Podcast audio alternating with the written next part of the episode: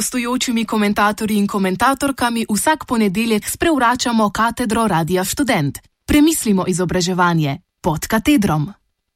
Latinščina v osnovni šoli.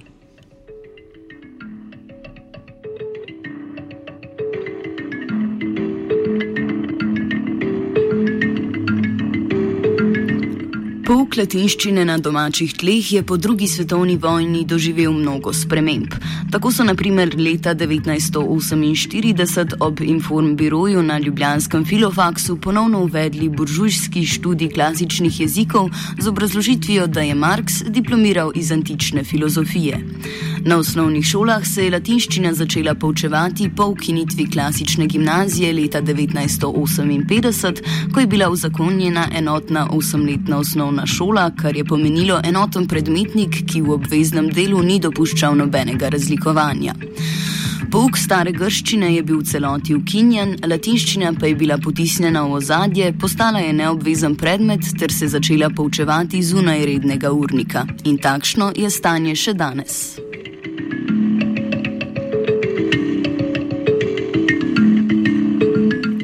Osnovna šola Prižihovega Voranca v Ljubljani je edina slovenska osnovna šola, ki je uspela v celoti in brez prekinitve ohraniti pouk latinščine od leta 1958 do danes.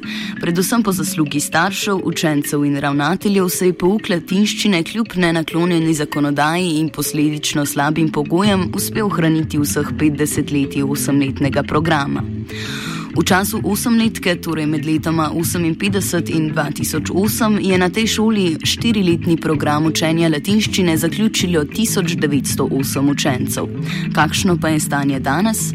Če vzamemo za primer lansko šolsko leto, vi, vidimo, da se je v vsej Sloveniji latinščine kot izbirnega predmeta učilo le 34 učencev, od tega na osnovni šoli Prežihovega Voranca 31 učencev, na osnovni šoli Dušana Flisa Hoče pa 3 učenci. Trenutno je edina slovenska osnovna šola, ki zagotavlja prihodnost klasično-humanističnemu izobraževanju na osnovnošolski stopni, zasebna osnovna šola Aloizija Šuštarja.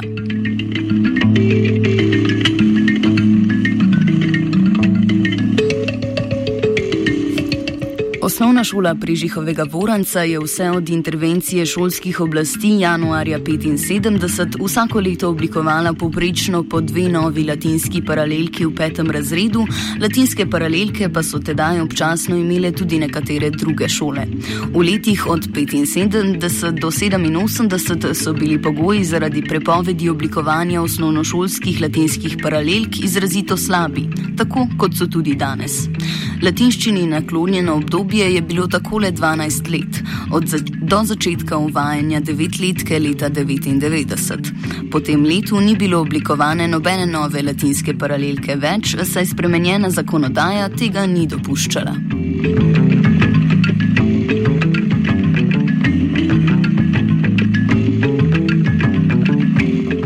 Času devetletke so se tako za latinščino začeli pisati slabi časi. S prehodom na nov program se je pouk latinščine znašel v hudi krizi, saj je latinščina dobila status triletnega izbirnega predmeta in s tem izgubila dobro četrtino ur. Še huje, znašla se je v naboru med seboj povsem neprimerljivih izbirnih predmetov zadnje triade ter v konkurenci z živimi tujimi jeziki. Nedopustno je, da se morajo učenci odločati med latinščino in živimi tujimi jeziki. Bi, spodbujati bi jih bilo treba, da se, če želijo, učijo obojega. Poleg tega se latinščine ne da umestiti v redni urnik, zato vse ure potekajo po koncu pouka.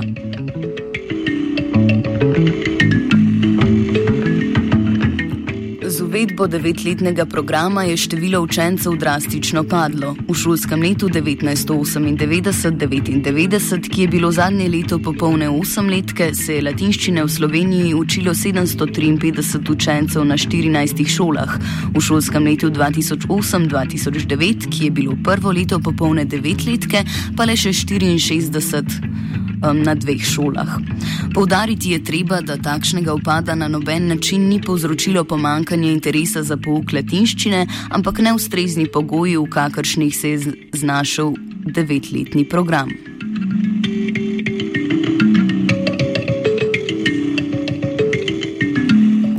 V reševanje nastale problematike je v preteklih letih vložila ogromno napora, predvsem osnovna šola Prežihovega Voranca, ob pomoči številnih posameznikov, predvsem članov Društva za antične in humanistične študije Slovenije ter Društva klasikov.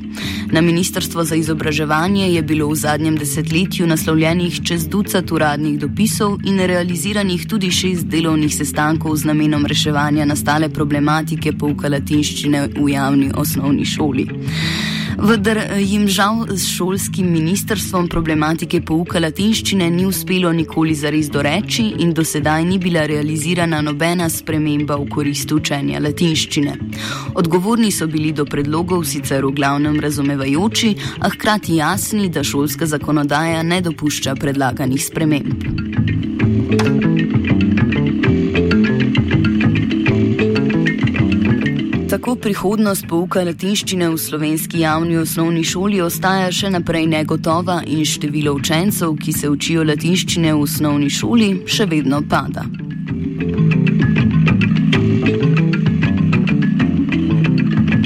Komentar je pripravila Metka Zorec.